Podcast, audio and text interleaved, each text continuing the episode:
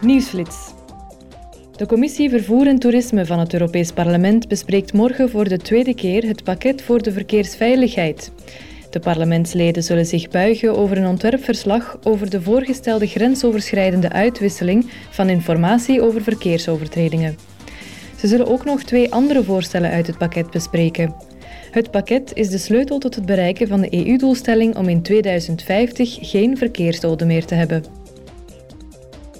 Morgen bespreekt de Commissie Internationale Handel ook de vrijhandelsovereenkomst van de EU met Nieuw-Zeeland tijdens een openbare hoorzitting met deskundigen en belanghebbenden.